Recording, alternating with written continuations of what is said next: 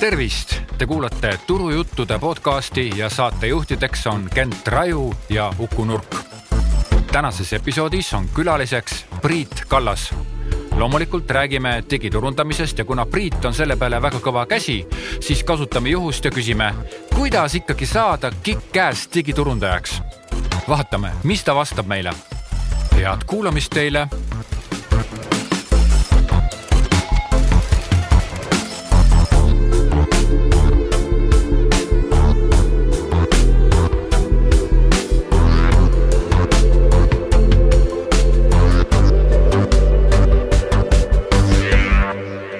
ja tere kuulama äh, Turujuttude podcasti. mitmes episood see on siis?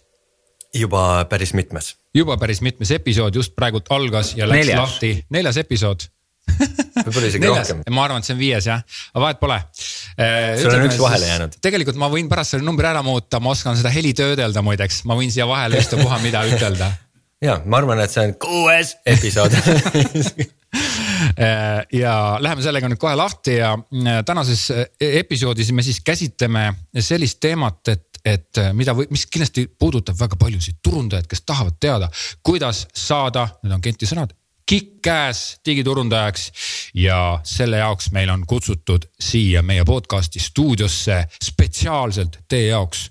Kick-ass digiturundaja. Priit Kallas, tere Priit. tere. räägi endast, Priit no nimi. üleüldiselt. no kui digiturundusest rääkida, siis äh, tuhat üheksasada üheksakümmend kuus tegin esimest korda digiturundust, et. no see juba kõlab päris ägedalt, see juba on selline no, see... meie ajaloo rubriigi mingisugune ja. osa tundub see olevat, aga väga hea, mis see ja. siis oli?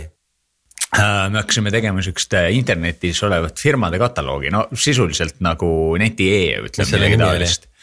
Partanet okay, ja, ja siis me käisime mööda tänavaid, sakutasime inimesi varrukast ja küsisime, kas nad tahavad oma firmat sinna panna tuhande krooni eest.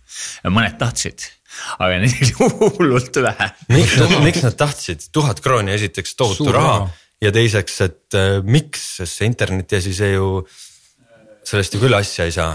no vot sama põhjus, miks vaata näiteks inimesed panevad Delfisse ja Postimehe reklaami kasu ei ole, aga müügimehed on head mm,. okei okay., nii et sina olid üks nendest headest müügimeestest. Äh, ütleme nii, et ilmselt ma ise müüsin ka midagi, aga meil olid lausa müügimehed või mingid inimesed, kes seda no, tegid. tuhande krooni eest saab muidugi igasugused mehed endale. ja, ja.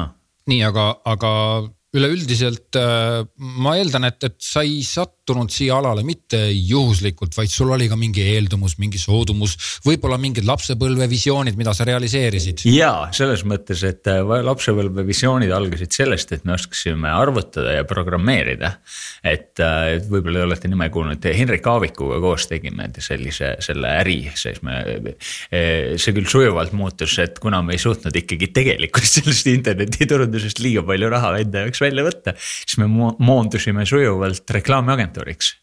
ja, ja selle nimi selle nimi oli Future Media, Future Media ja tol ajal me olime ikka täitsa suured vahepeal, et, et äh, seda ma siis toimetasin mingi ka, kuni kahe tuhande kahe lõpuni. kas Mail oli seal all või ei, ei, see oli mingi teine asi. aa ja, ja, ja, ja, Future Media oli. ja, ja., ja see siis mina läksin sealt mingi kaks tuhat kaheksa lõpp, kaks tuhat kaks lõpus ära ja siis hakkasin puhtalt ainult nagu digiasjadega tegelema, et no kaks tuhat kaks oli ka tegelikult üsna varajane, ma usun, et praegused eelarved, mis käivad digiturundusest läbi, on võrreldes tolleaegsete eelarvetega ikkagi kümne-kahekümnekordsed. kusjuures päris huvitav oli jah see, et ikkagi ütleme, meil suuremad kliendid maksid Äh, sada tuhat ja et selles mõttes ma ütlen, et meie tolleajased käibenumbrid on, kvalifitseeruksid täna ka mingit top ten'i vabalt, et, et, et meil nagu väga halvasti ei läinud, aga, aga noh, ütleme nii, et ee, minul, minul nagu sai ausalt öelda vist tol mingi hetk kopa ette on ju ja siis ma läksin sealt ära ja siis Henrik toimetas sellega mingi aeg edasi ja siis kuidagi toimus seal mingi ühinemine mingite teistega ja nii edasi mm. -hmm kusjuures Future Media, ma näitan sulle ka oma blogist ühte pilti, mida meie raadiokuulaja ei näe. aga umbes kaks tuhat üks aastal ma tegin sellise härrasmehega nagu Ants Luhala seal ka natuke koostööd. nii et siis me olime natukene samaaegsed. Kokkupuutumates. Ants õppis kõik, mis ta teab internetiturundusest minu käest okay. et äh, ta praegu peab mingit ehitus e-poodi, nii et, et. Äh, nii, aga nüüd äh, me ei taha minna nagu liiga palju sinna ajalukku, sellepärast et ajaloorubriik meil veel tänases episoodis tuleb, aga äh, räägi nüüd, et sa ikkagi tegid teadlikult selle valiku ja sa ütled, et sa oskasid arvutada ja nii edasi, kas see meedia, kas see reklaam, kas siin on midagi veel, mis on sind mõjutanud selle valiku tegemisel? No ma ütlen ikkagi pigem on nagu enamus inimesed, kes midagi teevad, on mingid juhuste kokkulangevus, eks ole, et, et noh, see, see, see tuum oli selles, et noh, mulle meeldisid need arvutiasjad ja meie, me, meie, meie seltskond oli selline arvutikallakuga, eks ole, siis me hakkasime tegema veebilehti, eks ole. kunagi oli sihuke ehitusmess nagu Rebuilding, et me tegime selle veebilehe, mis oli dünaamiline ja noh, sihuke dünaamiline ikka ammu enne, kui keegi seda sõnagi no ja, aga noh, selles mõttes siis tol ajal oli see väga-väga kõva asi, eks ole. ja siis, äh, aga sealt noh, siis kuna see tegelikult see tehnoloogia on ju ainult see noh, võimaldaja, eks ole. see, et ta on internetiturundus, see, see interneti seal ees, see on nagu kõige suurem piin mu elus üldse, sellepärast et siis mingi inimene tuleb, küsib. aga jah, te tegelete selle internetiturundusega, kas te saaksite mul printeri korda teha, on ju, et, et noh. see, see nagu, et noh, see, see interneti on lihtsalt noh, kogemata seal ees, et ta on lihtsalt turundus ja eks nüüd varsti ju kaob see interneti sealt eest ära, et. sest ilma internetita turundust on üsna raske ette kujutada. noh mm -hmm., jah, ma võin mingi personaga kuhutäie tänava peal, aga, aga et seda off, ütleme offline'i ja, ja tele ju muutub ka, ega noh. mul tuleb tele, Telia kaabel tuppa, eks ole, siis täna nad veel mingi meeltesegaduse hoos näitavad sulle ja mulle sama reklaami, aga homme enam ei näita, sulle näidatakse sinu reklaami ja mulle minu oma teleka ekraanil, eks ole. ja, ja siis ka see, eks ole, et kui ma vaatan World Cupi, eks ole. Mingid jalgpallurid mängivad mingit värki seal on ju, seal on need ribad ümber selle pagana asja, kus näidatakse reklaami. minu ekraanil näidatakse ühtesid reklaame, sinu ekraanil teisi reklaame, eks ole, sest need pinnad on ju võimalik kaadris välja mõõta ja sinna peale paned nagu seda, mida sulle on vaja, eks ole, ja. ja kõik see on digi, nii et noh, ühesõnaga selles mõttes, et noh, see, see on nagu, nagu nüüd viimase paarikümne aastaga valdav trend, aga kõik asjad muutuvad IT-ks. see on natuke seesama teema nende, nende mõistete kasutamisel nagu nutitelefon yeah., eks et missugune see muu telefon veel on ja, ja siis on mingi selline imelik üleminekuperiood, kus sa täpselt ei tea, kuidas sa peaks nimetama telefoni. Äh, kusjuures päris, äh, ma sagedasti komistan ise selle otsa, aga siin hiljuti just oli, rääkisin lapsega juttu onju. tahtsin öelda, et, et noh, ma vaatan, mida internetist järgi, eks ole. ja siis ma ütlesin, ma vaatan arvutist ja lihtsalt võtsin telefoni, eks ole, et, et, et noh, ma, ma ise, mul telefonil helinat peaaegu kunagi ei ole peal mul on kõik notification'id maha kasu-, keeratud ja ma kasutan teda praktiliselt nagu noh, lihtsalt, et kui mul seda seadet vaja kasutada, siis see, see helistamise funktsioon on minu jaoks küll mingi kaheksandal kohal, eks ole mm. -hmm. aga kui nüüd tulevad sisse mingid äh, reklaamijate email'id sulle, siis kuidas sa, kuidas sa neid näed, kui sa oled kõik ära mute inud, et äh...? Siis kui ma otsustan neid vaadata, selles suhtes, et nende, kui keegi, vaata, üks hästi oluline asi nagu aja juhtimises on see et sinu inbox ei ole teiste inimeste to do list on ju, et, et selles suhtes, et sa lihtsalt, sina otsustad, millal sa neid vaatad, mitte et oo nüüd piipad ja keegi saab kell kaks öösel meili. ei, sa, tähendab, kui sa tahad selline inimene olla, kes vastab kell kaks öösel meilidele, see on cool on ju, aga ma isiklikult mitte mm -hmm.. okei okay,, nii et ärge Priidule saatke kell kaks. ei, te võite saata ikka, aga ma lihtsalt ei vasta kell kaks on ju. no jah, ootuses saada vastust ja, aga praegu me hakkasime rääkima mingit sellist üheksakümmend kuus ja et kuidas sa mingeid asju hakkasid tegema ja mis sa üldiselt arvad asjadest, aga ma arvan, et me peaksime natukene tutvustama üleüldse, Priit, et, et kuhu sa siis praeguseks jõudnud oled. miks sa oled see autoriteet sel alal, et me võiksime sinult küsida igasuguseid järgnevaid küsimusi, et mis, miks inimesed sind uskuma peaksid? no ütleme nii, eks, et äh, see kõik, mis ma teen, nagu ma ütlesin, ma ju algasin mingi, käisin ülikoolis matemaatikat õppima, siis oskasin natuke programmeerida, siis hakkasime veebi treima. kunagi ammu-ammu ma käisin natuke aega kunstiklassis ka, aga sealt visati mind välja ebakunstiklassi õpilasliku käitumise pärast. aga et siis ma olen ka disainerina töötanud ja ühesõnaga kõik asjad, mis digis on olemas, on ju, ma olen ka mingite nende meediaprogemis, meedia plännimisprogedega meediat progenud äh, nagu ütleme seal Hanno Kindel ja mingid siuksed tüübid teevad, eks ole. ja, ja siis äh, ühesõnaga kõik, mida on, saab võimalik turunduses teha, seda ma olen teinud, on ju. ja, ja seda siis kakskümmend viis aastat või ütleme niimoodi, kakskümmend neli, kakskümmend viis aastat ja noh hämmastaval kombel nagu natuke on külge jäänud ja mingi hetk hakkad aru saama, et oo, näed, need asjad tavaliselt töötavad, need asjad tavaliselt ei tööta ja siis, kui sa, et noh, ühesõnaga hit rate on nagu mitte fifty-fifty, vaid veits nagu positiivsema okay. poole peal. ja siis mingil hetkel mõtlesid, et hakkaks koolitama ka inimesi? jah, selles suhtes, et vaata noh ka erinevates agentuuri ärides on see, et noh, agentuurina sa ikkagi väikest klienti ei saa teenindada lihtsalt sellepärast see ei ole, kliendi vaates talle ei tasu see ära, on ju, eks ole. kui sa tahad talle mingi kümme tuhat euri arvet kirjutada, eks ole. aga eh, koolitus on jälle see asi, kus ma ise arvan, eriti digis, et üha rohkem ja rohkem turundust võiks tulla nagu in-house ehk siis, et inimesed ise tegelevad nende asjadega või vähemalt nad teavad päris hästi, mida nad ostavad sisse, eks ole. sellepärast, et see, see, mida, mida ma näen, mida nagu ütleme siis, ma ei tea, agentuurid või professionaalid või noh, teenusepakkujad pakuvad.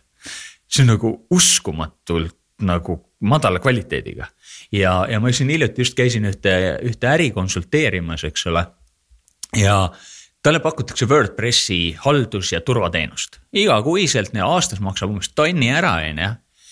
ja siis, kui ma läksin vaatasin, et kuule, et sul on siin, siin üleval on see WordPressil sihuke väike number, mis ütleb, palju sul on neid uh, uuendamata värki seal on, eks ole kakskümmend kaheksa asja oli uuendamata, sa kujutad ette, kui kaua peab see olema uuendamata, et saada kakskümmend kaheksa on see number sinna, on ju. ja siis ma küsisin, kuule, okei okay,, aga vaatame su Google Analyticsist, et kuidas sul see värk ikka käib, on ju mis asjast? no Google Analyticsist. oi, aga nad ütlesid, seda on raske külge panna noh, ühesõnaga, see on see tase, miks ma leidsin, et nagu koolitamist on vaja. et, et noh, lihtsalt, et kui, kui keegi sulle niimoodi teeb, on ju. mul on autos on üks golfikepp, on ju. et siis mul tekib isu seda välja võtta, eks ole, et see on nagu kohutav. ja, ja mul nagu tekib see asi, et, et kui sa, kui sa nii teed ja noh kusjuures see inimene ei, ei, ei öelnud mulle, kes see teenusepakkuja on, ta ütles, et kuule, ma ei julge, et sa muidu lähed, annad kolakat. oma golfikepiga. jah, aga et, et noh, kui selline asi välja tuleb, et kuule, sina pakud kellelegi niimoodi teenust, on ju, et noh, see on ju, kohutav, eks ole. aga kui inimesed ei oska küsida, siis sa võid neile mida iganes pakkuda okei okay., koolitus on tegelikult üsna vältimatu ka ütleme klassikalises reklaamiagentuuris, sa yeah. tegelikult ei saagi oma teenust muidu pakkuda, kui sa ei äh,. koolita ja ei müü kõigepealt maha seda nii-öelda suuremat raamistikku ja struktuuri, millest yeah. sa nagu, millest, millest sa siis kliendile seda teenust pead pakkuma, et see on täiesti loogiline äh,. aga ikkagi ütleme, et see, see ka koolituses on nagu väga palju erinevaid faase, et sa oled tänaseks ikkagi päris nii-öelda suures mahus jõudnud väga kõrgele tasemele ja ma arvan, et tavaliselt ma hindan inimesi nii-öelda kahte moodi, kui ma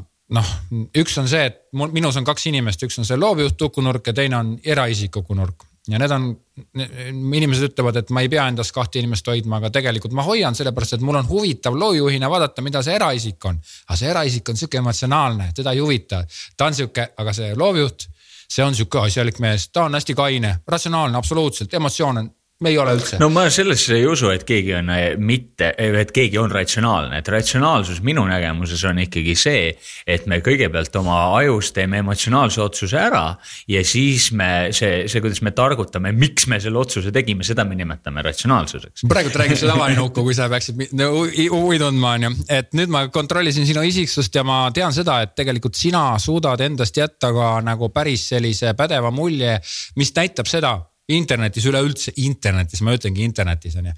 järelikult Arvutis. sa, sa oskad turundada ennast, eks ole, see on juba esimene moment, kust võiks öelda, et see mees on päris kick-ass digiturundaja on ju. et see on juba esimene koht ja see eraisiku. selles mõttes küll, et see on praegu valideeritud siin, et tänu sellele, et ta on siin saates, et ta on piisavalt siis meile. silma jäänud jah äh,? jah. see on, see on üks asi, teine asi on see, et, et vaata Äh, no et ütleme, et kui mina ütlen, et ma olen jube hea nagu ärinõustaja aga mul ei ole mitte ühtegi klienti tuua, keda ma oleksin nõustanud või siis on keda, keda ma nõustasin, aga nendel ei juhtunud mitte midagi, on ju.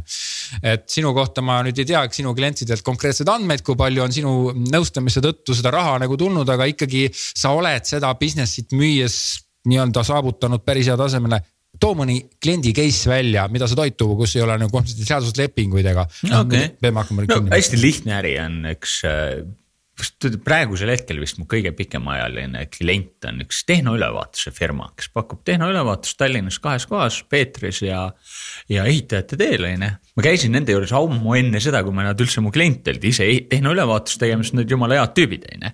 ja nad oli, nad on ühesõnaga see tüüp, kes seda teeb, ise on väga nagu noh, ta on tehnoülevaataja, ta ei ole turundusmees on ju. aga ta mõtleb ise välja, kuidas ma saaksin seda teha, kuidas ma saaksin seda teha, et ta on nagu vastuvõtlik ja hästi mõnus on tööd teha. aga noh, temaga ma olen jah teinud nii, et ta on ikka olnud peaaegu terve igaviku olnud Google'is esimene selle, selle fraasiga, eks ole. vot see on nihuke tehnoülevaatus on natuke sihuke brändivaba business ka on ju, et sind absoluutselt ei huvita ju, mis, mis nimelises firmas sa seda teed, see on mingi riiklik nõue on ju, ahah, tehnoülevaatus, ahah, nii palju maksab, okei okay,, kas aega on ja let's, let's go on ju. ja sellega on see hästi oluline, et sa oled see esimene valik sest keegi ei vali nagu, et oh, ma võtaks selle äh, premium tehnoülevaatuse on ju, et see on mingi crap, eks ole. ja, ja, ja siis sellega noh, läbi Google Adsi ja Facebooki reklaamide ja, ja siis seo-ga hästi palju. et see, me oleme terve igaviku äh, nagu Google'is esimesed olnud, eks ole ja, ja seal ma ikka aeg-ajalt viskan nagu nalja, et, et see on tõenäoliselt Eesti kõige optimeeritum Google Adsi konto on ju. sellepärast, et äh, ma olen sinna pannud kümme aastat iga kuu mingi hunniku tööd eks ole. ja, ja isegi täna hommikul, kusjuures tegin neile ühe muudatuse, jälle leidsin, et oh, sealt, siit võiks jälle lõigata mingi null koma protsenti mingit kasu, eks ole, et, et.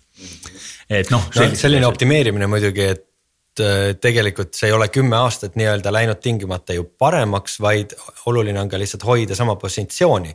ehk et kui muutuvad mingisugused no Google'i, Google'i olud, olud ja just, just, aga ma pean seda silmas, et see optimeerimine kui võib siin äh, kuulajale kõlada ainult nagu ühepoolne, et järjest sa teed paremaks, paremaks, paremaks, siis tegelikult sa kohandud ka uute oludega ja teed nendes uutes oludes paremaks. ja äh, no üks asi, mis on, on see, et seo on tegelikult äh, hästi noh, hästi palju nagu inimesed küsivad hästi palju inimesed küsivad seda, et mis on uued trendid ma täna just vaatasin oma mingeid notes'e ja mul on ühes kohas kirjutatud äh, uute trendide koha peale on kirjutatud, on nagu märkme, märge tehtud, et uusi trende tahavad kuulda need, kes ei oska või ei viitsi vanu, vanu kasutada, eks ole, ja noh, selge see, et tulevad uued trendid, ma tegelikult ei vaidle vastu. aga, aga seo-ga on küll niimoodi, et ma otsisin ühe oma kaks tuhat neli aasta artikli välja, aastal kaks tuhat neli optimeeriti neti e jaoks, mitte Google'i jaoks.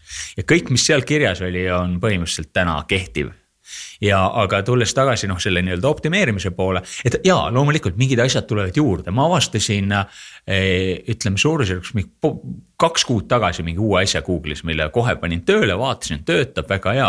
mõnes kohas olen suutnud ainult rakendada, noh, tööaega ka vaja ju selle jaoks, eks ole, ja ikka tuleb midagi aga, aga et, äh, et see, ütleme, üks, üks trumm, mida ma hästi kõvasti taon, ongi see, et, et seo on nagu uskumatult vinge asi, sellepärast et ta aina noh, ta ongi, ta laob ja laob üksteise otsa, nagu see tekib see kultuurkiht, on ju.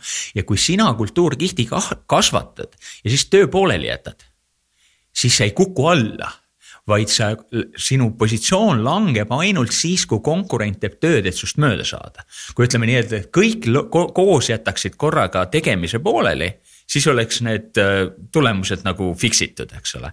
seal on muidugi väike võimalus muutusteks, äh, kui Google mingit algoritmi muudab, siis see järjestus ka samadel ja, tingimustel. aga vot seal ongi, seal on noh, nimetatakse nii-öelda hea seo või lubatud seo ja siis keelatud seo. keelatud seo siis tähendab, mis mängib tead kuidagi mingite trikkide peale ja nii edasi. see on selline natuke nagu võidu, võidurelvastumine, eks ole, et meiesugused üritame neid trikke välja mõelda ja Google üritab neid jälle spämmifiltrisse kinni püüda, eks ole. ja seal käib kogu aeg selline väike nügimine.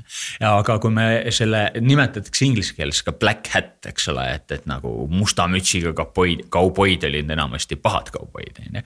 ja siis valge mütsiga ehk white hat seo, see on siis see asi, mida Google ütleb, nii võid teha. ja see baseerub hästi-hästi suuresti sisule ja, ja, ja ütleme siis selle white hat'i tuum on selles. tee seda, mida klient tahab ja siis on klient rahul ja siis on Google rahul eks ole, see on nagu noh, selge, et ma võtsin praegu ma ei tea, kümme aastat mingit kogemust nagu ühte lausesse, on ju, aga, aga nii ta kipub olema mm -hmm.. kuule, aga sa äh, puudutasid seda trendide teemat ja kuna meil eelmise episoodi teema oligi turunduse trendi, trendid turunduses kaks tuhat kakskümmend, et mida siis oodata sellel aastal. siis räägi natuke, mida sina näed, et äh, digiturunduses äh, need trendid nüüd on, nagu, nagu ka eelmine kord oli juttu.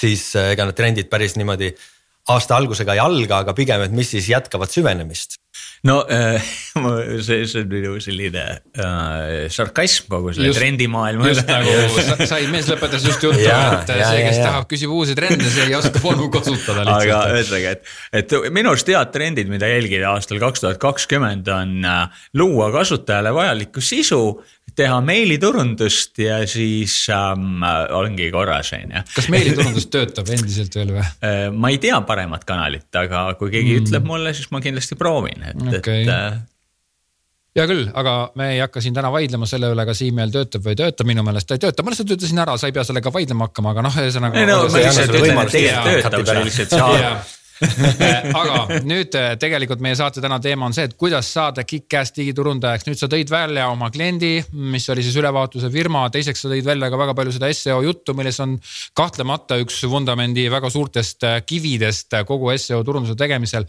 aga ikkagi äh, liigume edasi selle meie üldise teemaga, sellepärast et ma saan aru, et sinu puhul on väga raske hoida üldist teemat, kuna sa kaldud kogu aeg nagu detailidesse ja see on ka ühtlasi sinu tugev külg, on ju. me võime üldiselt ka rääkida, aga ma, ma, ma, mu peamine point on ikkagi see, et kui keegi nagu kuulab seda saadet, on ju, et siis noh. ei, ma ei usu, ma ei usu ma ei usu. niisugust noh, üldist mulli nagu või noh, see, ma noh, meele, meelelahutus on nagu muidugi oluline, aga yeah. mulle alati tähendab, ütleme äriasjades mulle meeldiks teha nagu neid asju, et noh, midagigi on nagu niisugust praktilist.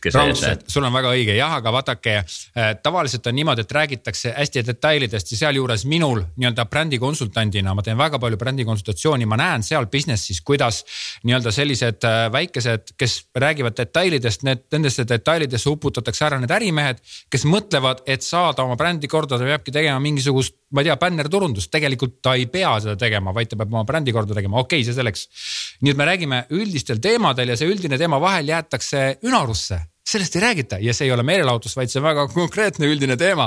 kuidas saada ja see kick-ass oli muideks Genti, noh, seda ei mõelnud mina välja, raadiokuulaja, eks ole, mul on. sa juba mitu korda viitad sellele, et, et. jah, et noh, põhimõtteliselt selle... mina olin. talle ei meeldi see sõna siis. ma arvan, et talle meeldib, sest ta kogu aeg püüab seda kasutada. ei no ma kasutan seda, mida ägedad kutid kasutavad, aga noh, ma. noh, tegelikult on, tegelikult on nii, et kui sa oled turundaja, siis sageli juhtub, et sa oled kuidagi sattunud turundajaks, sa lihtsalt pead turundama, võib-olla sa oled hoopis mingi kellegi assistent mingil muul alal.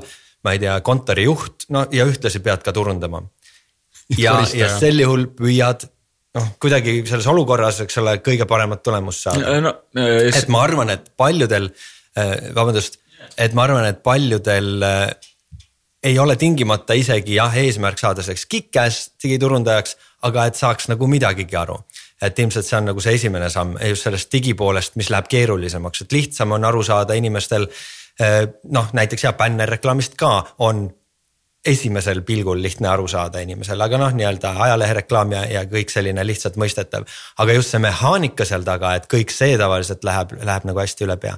et mida nüüd peaks tegema üks inimene, turundusjuht, turundushuviline, kes mõtleb, et okei okay,, et ma nagu kinda, ma olen nüüd paar raamatut ka läbi lugenud, põhimõtteliselt saan aru, igapäevaselt juba paar aastat nagu liigutan üht-teist.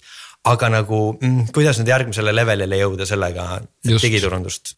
Äh, no ma saan ainult sellest rääkida, kui ma ise sinna jõudnud olen, eks ole, et noh, see ja. põhimõtteliselt on järje, tähendab, tuum on uudishimu. tähendab, sa tahad ise, sind ennast huvitab. ühesõnaga, kunagi ma olen disainiga tegelenud mitte hästi, aga olen ja, ja mul, eh, mul, mul on mingi portfelli täis mingeid disainitöid, mida ma olen lihtsalt sellepärast teinud, et ajaviiteks nagu mõni rohib peenart, ma tegin Photoshopis lihtsalt mingeid pilte, on ju. et, et ja siis mul oli vaja kuidas seda saaks teha, no siis lähed vaatad Google'is, kuidas seda saab teha ja teed, eks ole. praegu ma näiteks teen seo e-kursust Adobe Premiere'is mm.. ja võtsin selle mingi pool aastat tagasi, võtsin Adobe nagu Premiere'i lahti mhm. on ju. see üks keerukamaid programme või noh, nii et sa võtad esimest korda lahti ja vaatad, mis see on, on ju. et on noh, ütleme üks teine, mis oli üks 3D programm Blender.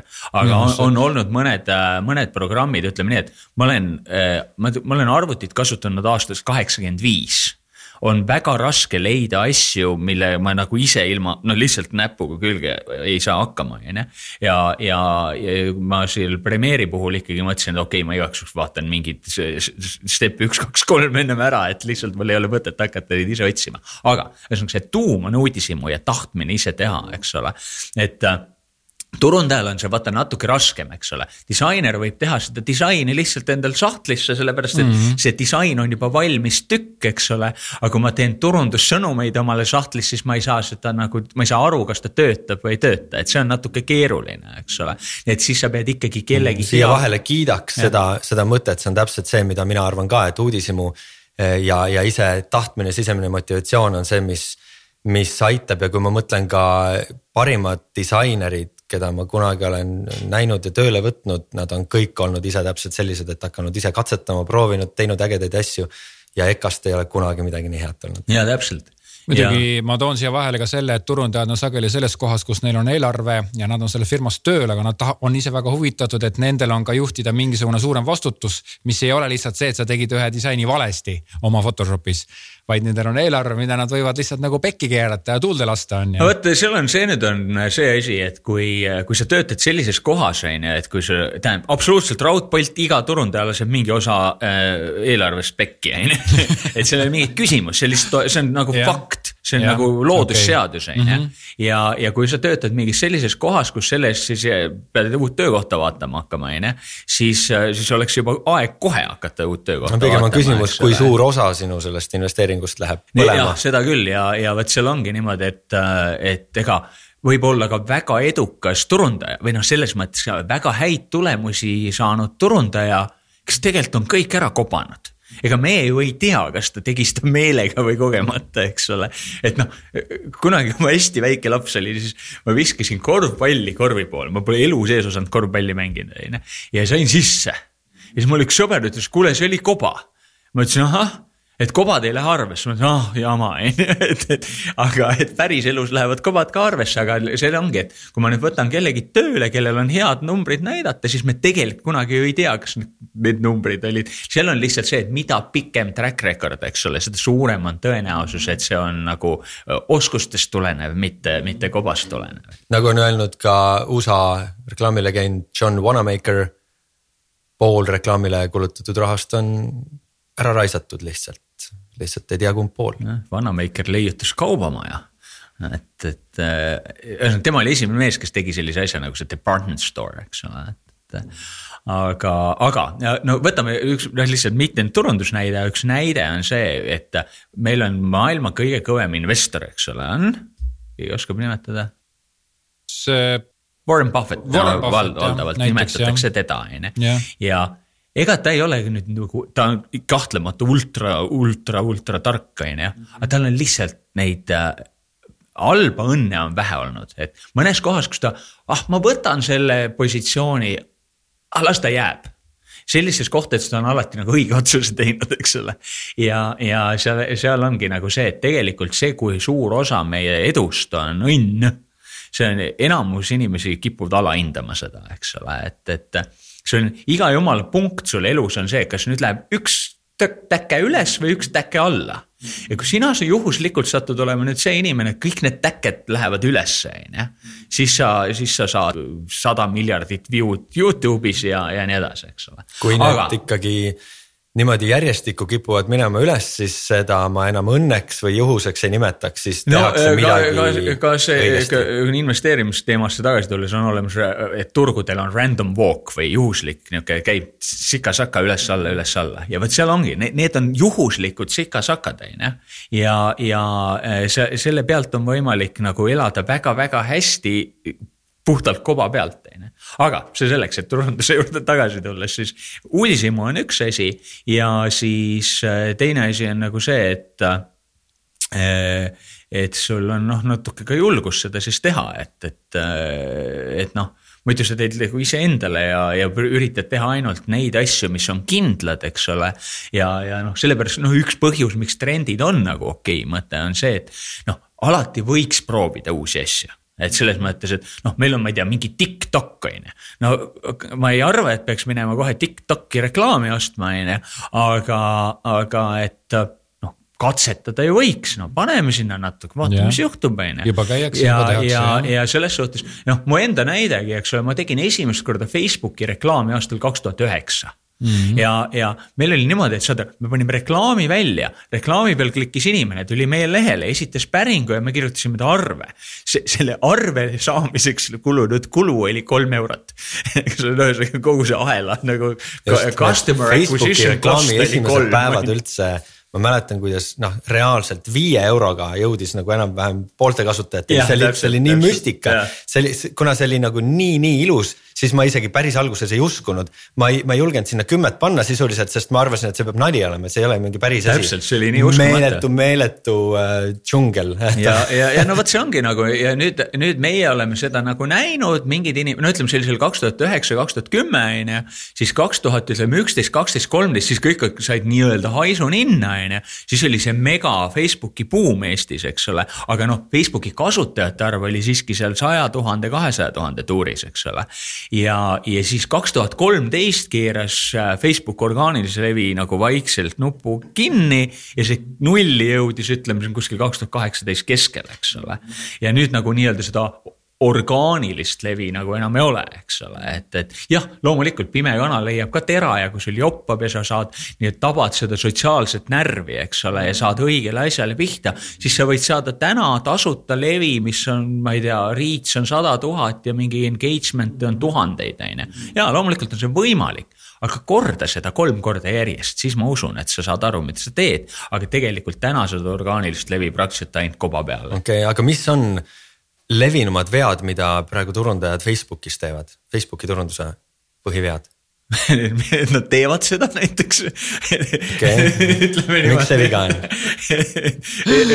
ma, hästi-hästi oluline point siin on see, et äh, mina jagan nagu Facebooki turunduse kaheks. üks on see orgaaniline, teeme sotsmeediat tüüpi asi, ma ei usu, et sellel väga mõtet on. ja teine on nüüd ostame reklaami Facebooki, see on minu arust väga okei okay asi. see on, töötab siiamaani, ma isegi ei näe, et ta ei peaks töötama kunagi lähiajal mitte töötama. ja, aga üks asi, mida võib-olla võiks vaadata vaadata, on turundusgruppides. et kas teed oma grupi või turundad mingis erialagrupis või valdkonnagrupis, lumelaudurite grupis või turundajate grupis või, või äh, rahakasvatajate grupis või mis iganes, eks ole. et see äh, grupid tundub, et täna on veel viimane niisuguse väikse orgaanilise levipotentsiaaliga nagu koht, on ju. aga, aga jah, et, et ma ise nagu noh, ma küll aeg-ajalt midagi Facebooki postitan nagu ka oma nii-öelda ettevõtte lehele. aga see on sihuke pigem, ma päris kindel ei ole, miks ma seda teen, et harjumusest ja,. jah, jah, võib küll nii öelda. okei okei mis. ja lihtsalt võib-olla sellepärast ka, et kui keegi küsib, et kuule, mida sa, ma teen näiteks Facebooki koolitust, aga see on küll hästi põhi, põhi, põhineb reklaamil, mitte niivõrd nagu e-, sellel orgaanilisel. aga et kuule, sul omal viimane postitus oli kaks tuhat seitseteist, siis oleks võib-olla näit-, näiteks piinlik mm. -hmm. sa saad öelda, et nii nagu ma juba turujuttude podcast'is rääkisin siis mul fookus ei ole seal ja see on mõttetu ta-ta-ta, neist saad viidata kenasti. Teine küsimus veel nende vigade kohta, et, ähm, et seo puhul, mis vigu tehakse? või mis on see enam, kõige jah, enam levinud? no ühesõnaga üritatakse saada noh, mingi nii-öelda trikitamisega, et noh, tegelikult on mingi käputäis reegleid, mis on tehniline seo ütleme, laias laastus ma arvan, kümme bullet point'i on siuksed asjad, see on, sellega on seo loetletud. ma ei teinud aastaid seo koolitusi lihtsalt sellepärast, ma leidsin, et see on nii nagu brain dead simple on ju. et miks seda keegi peaks noh lihtne, nii anyway tuli välja, et ei ole või vähemalt inimesed ei usu ja, ja siis on vaja pikemat selgitust. aga et äh, mis tehakse on ja, et, et äh, noh üritatakse saada tulemusi lehtedega, millega ei saagi tulemusi saada, sellepärast seal ei ole ja. materjali. seda olen mina ka ja, näinud ja, kordi, jah. et kui noh, kui, mis asi no, seo on nagu oma tuumas, on ju. Eh, inimene, siis klient, tarbija tuleb Google'isse, tal on mingi küsimus ja nüüd ta tahab sellele head vastust saada. ja kui sa nüüd endale ausalt silma vaatad, kas sinu lehel on hea vastus, kas sinu lehel on äkki kõige parem vastus eks ole. kõige parem vastus ei tähenda alati, et see on kaks tuhat sõna teksti, ta võib-olla on lihtsalt, aga ühesõnaga. küsimus on see, kas sinu lehel on kõige parem vastus ja nüüd tegelikult see Google'i, Google'i Google'i, ma ei tea, kaheksakümmend, mitte isegi kaheksakümmend, üheksakümmend viis prossa rahast tuleb Google Adsist või noh, Google'i reklaamist, eks ole. ja selleks, et nad seda teha saaksid, neil peab olema otsingu tulemus hea ja kui nüüd sul on mingi pooletoobine, mingi kaks rida teksti, on ju, äh, veebileht, eks ole, miks sa peaksid Google'is eesotsas välja tulema? ja siis ma, ma saan nagu praktiliselt iga päev selliseid päringuid omal meili et meil on need kaks sõna ja me tahaks nendega Google'is esimeseks saada, palju optimeerimine maksab, on ju. et noh, noh, see ei maksa midagi, sellepärast et see, see on mingi tohutu pikk protsess. kui ja... neid päringuid tuleb, kas eelkõige eeldatakse, et kuule, siin on nagu X summa tee selle eest, tehke meile see optimeerimise värk ära. või saadakse kohe aru, et see on selline hästi, hästi sagedasti on lihtsalt teenus. see, et meil on mingid sõnad, et palju see maksab ja, ja ma, ma isegi nüüd, mul pole mitte kunagi, mitte kunagi elus pole mul olnud veebis te, seo teenuse lehte. ja siis ma nüüd tegin seo teenuse lehe veebi ja see sai juhuslikult kahe nädalaga esimeseks Google'is. aga, aga siis ma kirjutasin sinna viimasesse plokki mingi, et hinnad algavad tuhandest eurist kuus, on ju.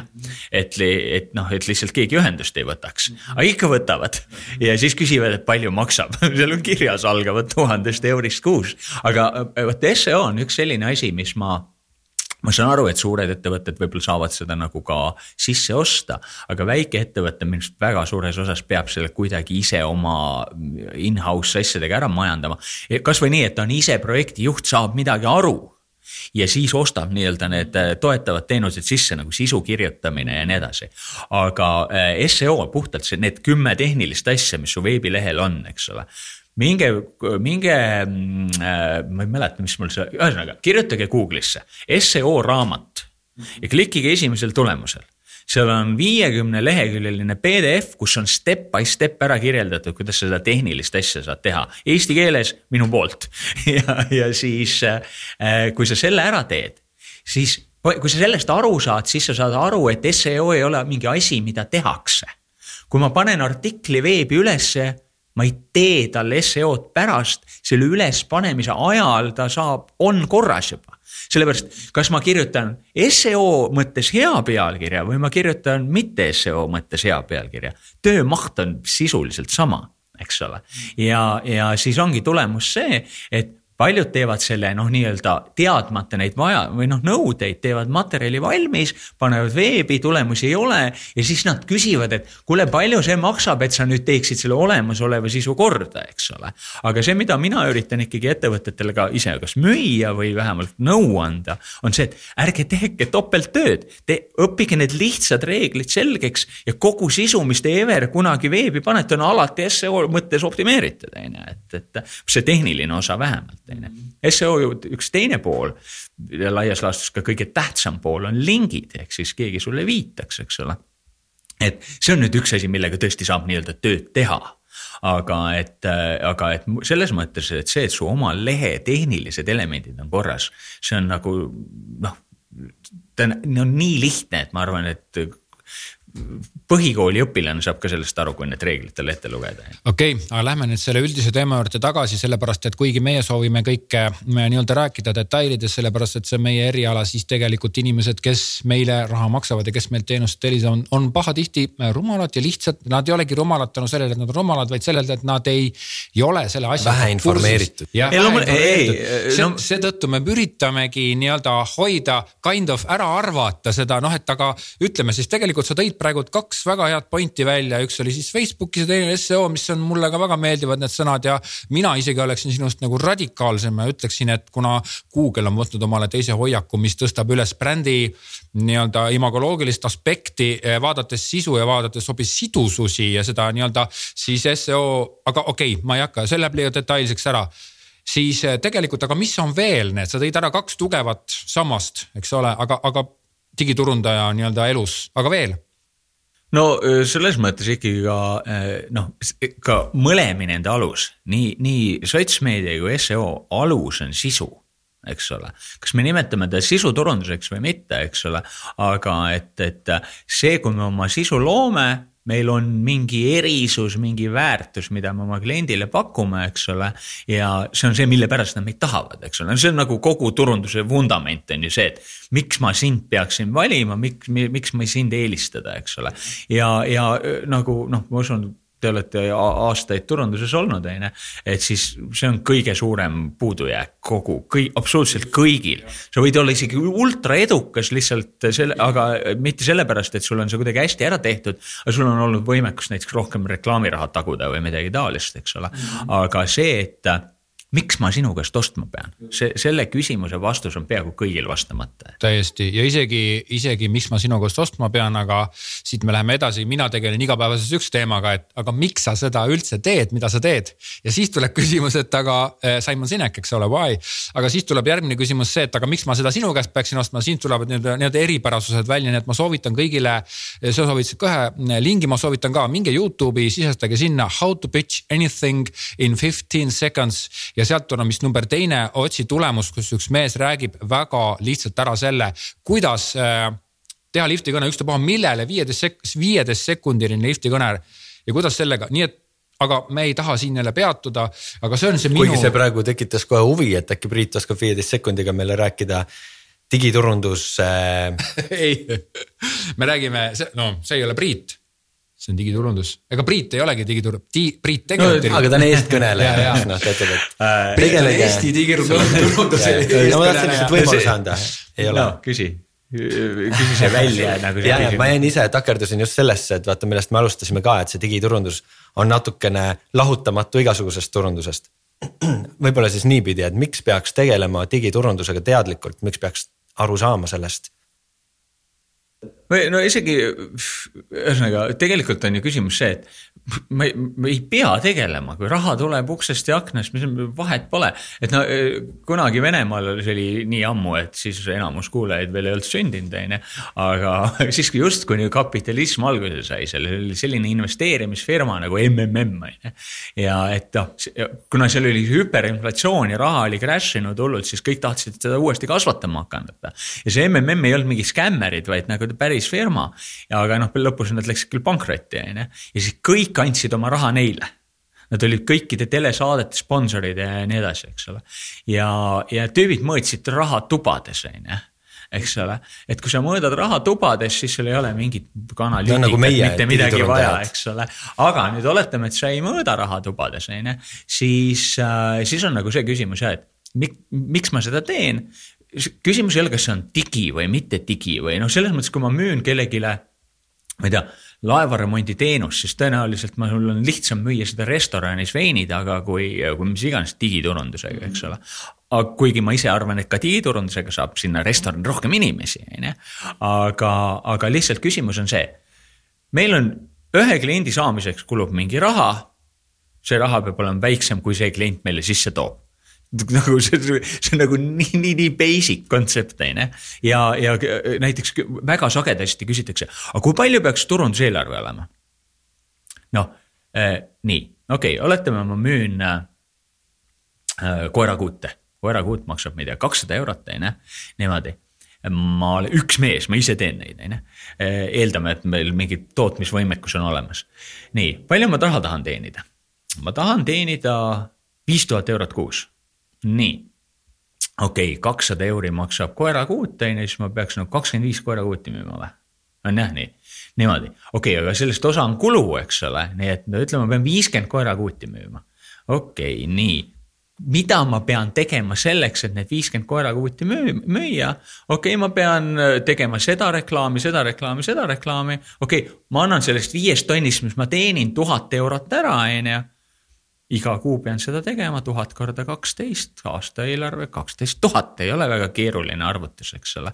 aga lihtsalt inimesed mõtlevad, mingi protsent käibest ja mingi, mingi ulmelised arvutused. küsimus on see, et ma olen nõus asja müümiseks Eh, andma ära mingi koguse raha, mitut tükki ma müüa tahan, korrutan need läbi.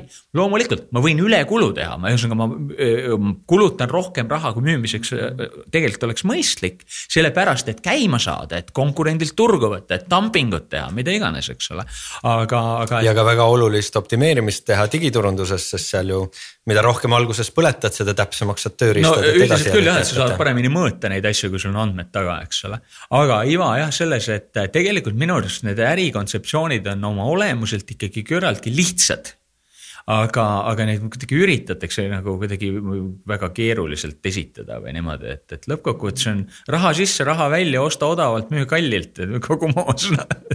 Hästi paljud äh, koolitajad tegelikult mis iganes alal muidugi, aga, aga noh, mina näen siis eriti turundusalal omavad mingisugust agendat, et nad küll teevad koolitusi ja ongi, et vot, et kuidas see asi käib, aga lõpuks nad kas noh, meelega püüavad seda asja näidata piisavalt keerulisena, et peale seda loengut tuldaks nende juurde nööbist kinni, et aa ah, okei okay,, tundub, et te tunnete seda asja, et kas te saate meil ka selle seo ära teha. ja, ja et see on väga sage aga näiteks ma, kunagi ma tegin, mul oli selline leht, kus, et pakume Google, ei mitte Google, Facebooki reklaamide haldust. et ühesõnaga hästi huvitav on see, et näiteks Google Adsi puhul inimesed ei kasuta seda igapäevaselt ja nad küsivad väga sagedasti, et oi, meil oleks abi vaja aga Facebooki kasutavad inimesed iga päev ja neil on pähe tekkinud tunne, et nad saavad Facebookist aru. mina väidan, et Facebooki reklaami tegemine on keerulisem kui Adsi oma, aga no ikka samale taseme keerukas kindlasti, on ju. ja, ja Facebooki reklaamihaldust ei taha keegi osta, Google Adsi omaga küll ja, ja siis oli niimoodi, mul oli veebileht, kus oli kirjutatud hästi lihtsas keeles, kuidas Facebooki Adsi haldus käib ja päringuid oli null skratsisin kukalt natuke, mõtlesin, et davai. ja siis ma läksin ja kirjutasin sinna kõik keerulised sõnad, mis mul pähe tulid. pikseli seadistamine, JavaScript, uh, custom audiences, lookalike audiences uh,, custom events, kõik, kõik sõnad, mis mul vähegi sealt kuskilt suutsin välja imeda sealt Facebooki ads platvormilt, on ju kohe hakkas päringuid tulema. no see on üks äh, selline sisuturunduse teenuste puhul üks siseturunduse tegelikult põhilisi nippe, et just nimelt ütle nii-öelda kõik need saladused välja, sest keegi nagunii ei viitsi seda läbi lugeda, sellest kõigest aru saada ja mõtleb, et okei okay,, lihtsalt äh, sa saad selle teema kunniks nii-öelda, sest äh, sa oled seal aga, aga noh, üldiselt ma ise olen koolituste teemal nagu selle või üldse, kui ma kellegagi räägin, on ju siis noh, ilma et aeg otsa saaks, on ju, aga et, et kui ma kellegagi räägin, siis ma räägin kõik ära, et mul, kui sa ei taha mu käest osta, ega see ei ole esimene ega viimane ja, ja ütleme niimoodi, et noh eh,. ei, ma, ma, ma saan aru, et mõned võib-olla teevad teistmoodi. ei, ma pigem aga, tahan öelda, et ma ei, ma ei jah. suudaks uskuda, et sa räägid kõik ära, sest see oleks ülitehniline, et, et see, mida mina just märkan, et võrreldes siin noh, tõesti mingi kaks tuhat, kui, kui ma reklaaminduses alustasin, siis parasjagu just lõppes selline lihtsalt naljapiltide reklaami pähe esitamine, eks ole. et ja, ja asi on järjekindlalt läinud selliseks noh, nagu kuidas, kuidagi matemaatilisemaks, et siis nüüd on see kõik nii Facebook, Google, kõik digireklaam, seal, seal need alumised kihid, see läheb nii meeletult keeruliseks, et seda lihtsalt mingile koolitusel äh, lihtsalt ütleme tavalisele turundusjuhile seletada ma, ma, on täiesti. selge on see, et ma ei saa sulle ajukirurgiat õpetada nagu kolme minutiga, on ju. küsimus ei ole mitte selles, ma ütlen lihtsalt seda, et kui sa tahad ma võin sinuga rääkida nii kaua, kui kõik on räägitud ja ma räägin sulle ära. kui sa tuled äh, kolmetunnisele koolitusele, siis sa saad nii palju, kui kolme tunni jooksul saab rääkida. aga ma, see mõte, mida ma ütlesin, ei olnud mitte see, et ma äh, räägin kõik ära, vaid ma ei hoia midagi tagasi. et kui ma räägin lihtsatest asjadest, sul on mingi ekstra peenike küsimus selle kohta, kuidas näiteks lookalike audience'iga seda või teist teha, eks ole. siis vot see käib nii, palun, näed, siin on su vastus on ju ja, ja Äh, see selles mõttes, et no ühesõnaga ma. no just, et meelega hoia tagasi, aga, aga ilmselgelt sa kuskilt tõmbad piirid, sest see läheks nagu. seesama no. pagana, mis ta on, seo raamat kirjutatud Google'isse on ju, seal on kõik kirjas, mida ma oma koolitusel räägin, niimoodi, et loed selle läbi.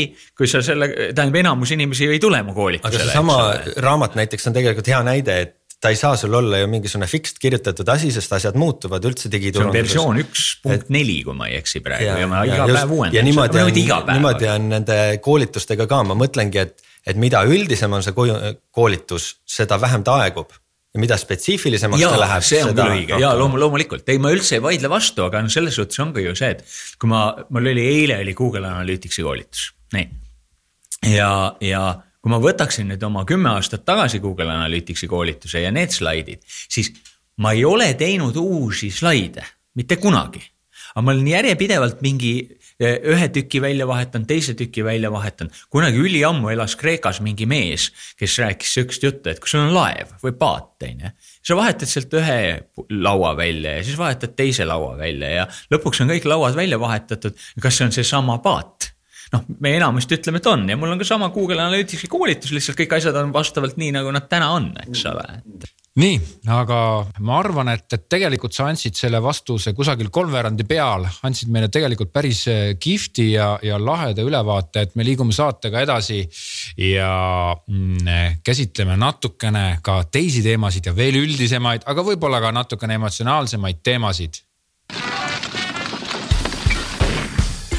Mida hekki on väikene rubriik meie turujuttude podcastis, kus me toome esile, arutleme ja käime läbi selliseid case'e, mis kriibivad nii silma kui ka kõrva või no siis, mis lihtsalt kriibivad ja ei lase rahulikult elada, ei lase rahulikult olla ja lihtsalt jäävad ette nii ja tänases rubriigis siis äh, seekord on niimoodi, et kui eelmine kord oli Gentil välja mõeldud väga põhjalik jutt, siis seekord on minul.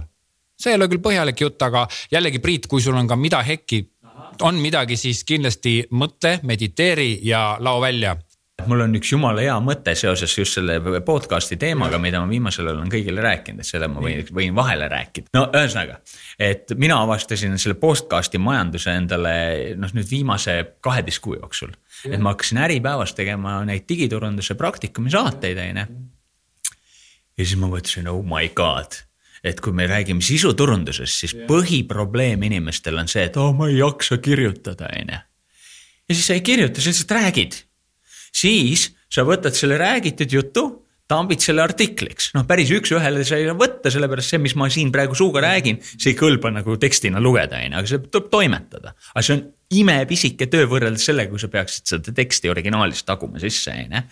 ja, ja siis ma katsetasin, et ma mingi aeg tegin, et võtsin ühe saate ette, viiekümne mindine saade lasin äh, ühel kirjainimesel selle taguda klaverit, klaverisse ja tulemus oli viis tuhat sõna teksti, eks ole. ja see tähendab seda, noh, toimetad seda vähemaks, mingi läbu välja, on ju, sul jääb seal kolm artiklit, hiiglaslikku artiklit järgi, eks ole. nii, aga kui sa nüüd, kui sa nüüd sama seda, mis me siin kolmekesi istume ümber laua, siia paned kaamera üles, nüüd filmid ka seda, on ju. noh, selge on see, et nagu tund aega keegi ei viitsi su nägu vaadata, on ju, et see on, aga me võime sedasama, et sa vaatasid siin arvutist midagi, ma ütlesin, vaata Google'is sinna viskad mingid screenshot'id peale, on ju. et sul on juba kaks meediat, on ju, sul on audio, sul on video pluss siis teed sellest transcription'i on ju, siis sul on terve tonn artikleid ja kogu moos, kui sa teed korra kuus seda, siis sul on kõik sisu, mis sul ever vaja on. tead, mille sa leiutasid praegu no??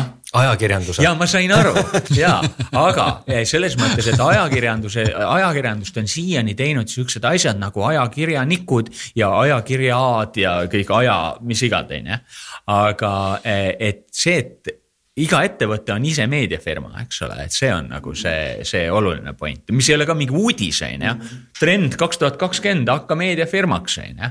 et, et siin vahepeal oli suur trend, et hakka IT-firmaks siis, et, et ma arvan, et puhtalt äh, sellise kliendi vajaduste rahuldamiseks on see hästi vähe töömahukas võrreldes igasuguse muu sisuturundusega ma tahtsin äh, selle audiojutu peale ütelda seda, et, et tegelikult äh, kui nimetada sõna podcast, siis tegelikult seal mõeldakse ikkagi sihukest podcast'i nagu meie siin sinuga teeme, sellepärast et raadiojaamade puhul on need makstud suured stuudiod, särgid, värgid, korporatiivsed omandused ja nii edasi-tagasi, kus siis isegi juba Baltikumi tasandil on nii-öelda ettevõtetel suured-suured eelarved ja tehakse stuudiotes raadiot ja nii-öelda neid raadiosaateid äh, tehakse järelkuulatavaks ja neid nimetatakse podcast ideks siis esiteks see on teine formaat, raadiosaade on teine formaat. nii kui te tähele panete, siis te pole siin head äh, podcast'i kuulajad, te ei ole siin ühtegi reklaami kuulanud, eks ole. aga kui sa raadiot kuulad, sa oleksid praegu juba vähemalt kaks reklaami no, kuulnud nagu. ostke Priit Kallase koolitusi. jah, ei see kõlab niimoodi. oi kallis, kuhu sa lähed? ütlesin, ma lähen ühele heale koolitusele mis koolitus see on? see on Priit Kallase koolitus. kelle koolitus? Priit Kallase, kuidas see kirjutatakse, kas tugeva K-ga? jaa ja Priit on tugeva P-ga ühesõnaga, et head raadiojaamad, teie teete saadete järelkuulamisi, aga mitte podcast'e ja need tavalised dissidendid, tussisööjad ja kõik need südameasjade rääkijad, mis on Eesti kõige kuulatavamad podcast'id muideks, ärge naerge. dissidendid ja tussisööjad, see on. me peame lihtsalt aga... nime muutma, ma arvan, et siis on nagu rakett. turundus mm,, äh, okei okay,, ma ei hakka. turundusbeibed. turundus ei, no me ei ole just beibed väga, ma ei tea, võib-olla. aga nad ei nad, ju ei näe teid. ja oh, ega nad ei arva ka minu hääle järgi, et ma ei ole ju on mul arvutist läbi, jaa. ühesõnaga raadiojaamad, ärge ütelge enda kohta podcast'id, teil on lihtsalt saadete järelkuulamine või te võite enda kohta öelda podcast'i raadiosaated, nii sest muidu ütleb Uku teile, mida hekki täiega ütlen. Ja minu viimane küsimus Priidule on see, mis mul tekkis kohe üsna meie jutuajamise alguses, sest sa olid ilmselgelt suunatud kuidagi väga Eesti portaalide vastu. ühesõnaga, sul on nüüd võimalus panna neile natuke puid alla, miks peaksid inimesed eemale hoidma Delfi reklaamimisest, Delfis reklaamimisest. nüüd ma võtan veits nagu isegi mitte puid alla, ikkagi ära, et lõppkokkuvõttes kanal on kanal, on ju, kanalit, see, kas kanalit kasutada või mitte, see sõltub sellest, kas sa saad sealt tulemust, on ju, et selles mõttes, kui sa tahad kasutada väga hea mõte, näiteks ostad ruupori, käid mööda tänavat ja karjud, ostke meie asju ja see töötab, aga palun, on ju, aga lihtsalt, et äh, ütleme noh, mis, kuhu läheb enamus reklaamipappi on Facebook ja Google, eks ole. et äh, need on niivõrd palju tehnilisemalt äh, peenemad ja paremini kasutatavad vahendid, et hakata ostma päevakaupa mingit bännerit kuskilt portaalist nagu ei tundu nagu mõistlik ajakasutus, võib isegi öelda, et, et aga ma isegi, isegi ikkagi ütlen, et kui sul on mingi nagu temaatiline koht näiteks Delfis, Postimehes, mis iganes Äripäevas ja nii edasi ja, ja no proovi ära aga noh, seal on see, et nad üritavad sulle kohe müüa nagu kaheksa kuud või, või kolm aastat seda korraga, et, et võta nii vähe kui võimalik ja vaata, mis tulemust saad, eks ole. ja, ja ma ise olen siin ja seal klientidega ikkagi proovinud, on ju, ja noh, pole väga sagedasti tulemusi saanud ja seetõttu ongi mul see skeptiline arvamus. see baseerub nendel tulemustel, mis mina olen saanud ja alati on keegi, kes ütleb, oi, aga me tegime, me saime, on ju kas tavaliste portaalide bännerreklaamide, bännerseinade aeg on tegelikult läbi? no mina kipun nii arvama küll jah, selles suhtes, et äh, neil on, kes minu arust teeb nagu hästi või kas just hästi, aga liigub õigesti ja teeb nagu normaalselt asju, on minu arust Äripäev. Et ühesõnaga see, neil on niisugune masin, on ju, ja selle masina üks raha saamise asi on seesama, igasugused üritused, konverentsid, koolitused ja nii edasi. ja siis see sisuliselt see meedia osa on sisuturundus sellele, et neid asju ostetakse, eks ole. aga kui Postimees räägib, ütleme või no ükskõik milline niisugune üldine uudissait räägib mingist, kuidas Putin midagi tegi, siis sellega seoses ei saa nagu müüa mingit noh, mingit asja maha, eks ole. aga samas ütleme, vist äkki Postimees või, et noh, nad ju korraldavad ka ise üritusi nagu mingid emad ja värgid ja nii edasi, vot seal juba hakkab nagu otsad kokku jooksma, et, et te põhimõtteliselt see, see minu nägemuse järgi see, see meediajurakas või see asjandus, see organisatsioon peaks tootma seda nii-öelda nii-öelda seda uudistüüpi, seda meelelahutuslikku sisu, mis viskab sisse siis nende keerukamatele toodetele ja teenustele, mille pealt nad raha teenivad, eks ole. seda ma olen ka paljudele rääkinud, aga noh, ma ei ütle, et see on lihtne teha, ma ei ütle, et seda isegi on igal pool võimalik teha. aga et noh, see, see on üks asi, mis minu peas nagu näib, et võiks olla see, mis võtab bännereid vähemaks, aga tõstab käivet. väga ilus mõte. Priit, aitäh sulle saatesse tulemast ja õige pea me Podcasti. podcasti saatesse tulemast, meie episoodi ja õige pea me siis ootame sult transkripti, artiklit ja kokkuvõtte artiklit ja muidugi ja seda blogipostitust, eks ole. aga, aga tõesti, tõesti hea on nii-öelda kuulda sinu käest juba ilma küsimatagi neid samu mõtteid, mida ma ka ise olen mõtelnud, eriti nende portaalide osas. et äh, aitäh kuule, aitäh, et sa kutsusid. Ja saate lõpuosa siis kuuled ära juba pärast oma kõrvaklappidega või kuidas sa kuulad seda podcast'i, seal tuleb ka võib-olla sinust veel natuke juttu, väike diiser ja suur tänu sulle.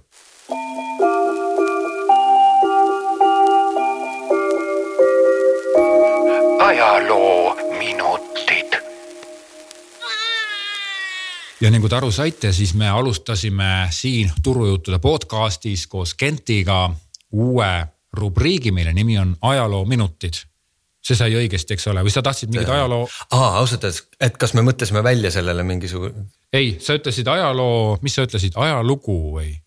Mul pole aimugi, et eelmine kord sai midagi välja mõeldud, eks ole. ja, ja, ja aga igal juhul, kuna me oleme neid teemasid nii-öelda spontaanselt ikkagi juba käsitlenud, siis. ja me, me eeldame, et see võtab minuteid, mitte, ma ei tea, tunde. ajaloominutid just nimelt, mitte ajalootunnid. ja ega see mingi gümnaasium ei ole, on ju. ajalootund oleks nagu mingi eraldi podcast juba. kas äh, sina räägid ennem või mina räägin ma ennem? võin jutustada, jah.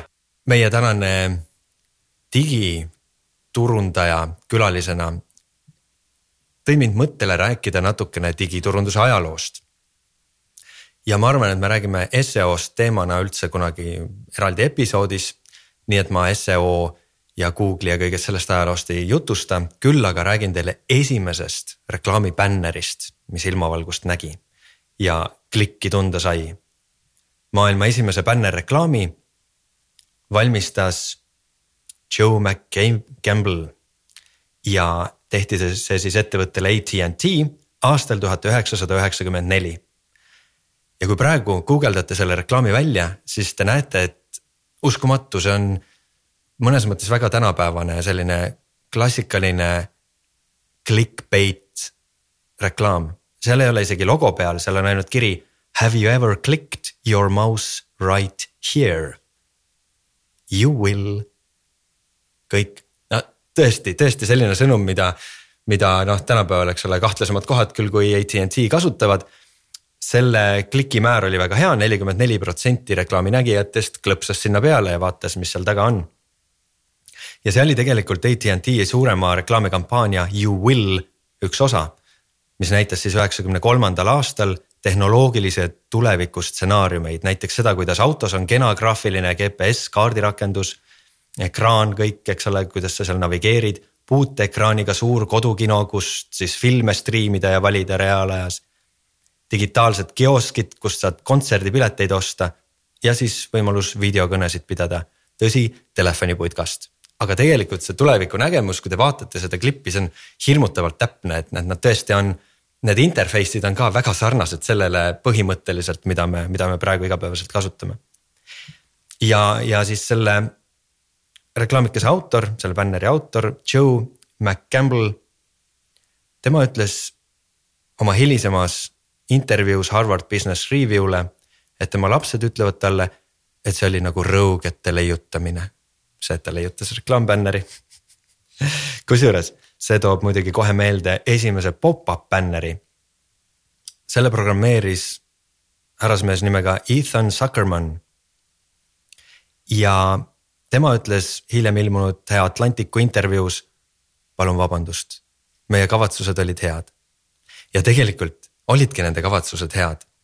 nii nagu Priit siin mõni hetk tagasi ütles, et, ähm, et lähtuvalt sellest, kuskohast see reklaam ilmub, näiteks noh, ütleme mingisugune ähm, Putiniga seotud uudis, siis võib-olla keegi ei ole väga huvitatud sellest, et tema reklaam, tema bänner just nimelt selle uudise juures on. see pop-up reklaam leiutati just sellepärast, et ta hüppaks eraldi sellest sisust, et inimesed ei peaks sisu ja reklaami samaks asjaks. või seda, et, et see reklaam kuidagi toetab selle sisu mõtet. ja nii et kavatsused olid tõepoolest head, aga noh, me kõik teame, missugune pop-up'i mäsu sellest äh, välja kasvas. üheksakümne viiendal aastal teatas Yahoo portaal, et neil on ka nüüd reklaamiplatvorm ja iga päev vaheldus siis Yahoo päises viie erineva sponsori logo. aga tol ajal oli veel probleem mitte ainult selles, et kuidas reklaami müüa sellises täiesti uues kanalis, et kuulge, et meil on nüüd bännerid ja nii. vaid äh, nendel reklaamiandjatel, firmadel, neil ei olnud ju kodulehekülge, sa pead ju kuhugi viitama selle reklaami. ja, ja see takistas päris palju bännerreklaamide levikut, sest noh, kõik olid, no mis internet, see läheb varsti üle. sellised jutud ajaloost väga-väga kihvt, aitäh sulle, Jent, see oli tõeliselt huvitav ja põnev kuulamine, sellepärast et kõik need vanad asjad, mis tunduvad nii iseloomulikud ja tegelikult juba sajandeid olnud meiega, siis mõtelge saja aasta pärast räägitakse. sada aastat tagasi tehti esimene ja nii edasi, et noh, et see äh, praegusel hetkel see bänneri asi, kuigi ta on alles kolm, kakskümmend viis aastat tagasi, eks ole ja juba see tundub nagu terve minevik, nii et Kent. elanud seda elu sellel ajal, kui Facebook ja internet äh, nii-öelda lansseeriti ja tekkisid ja me oleme seda arengut näinud, et see on olnud fantastiline teekond. ja nende sõnadega me lõpetame selle ajaloo rubriigi, kui sa midagi ei tahtnud veel lisada? ei.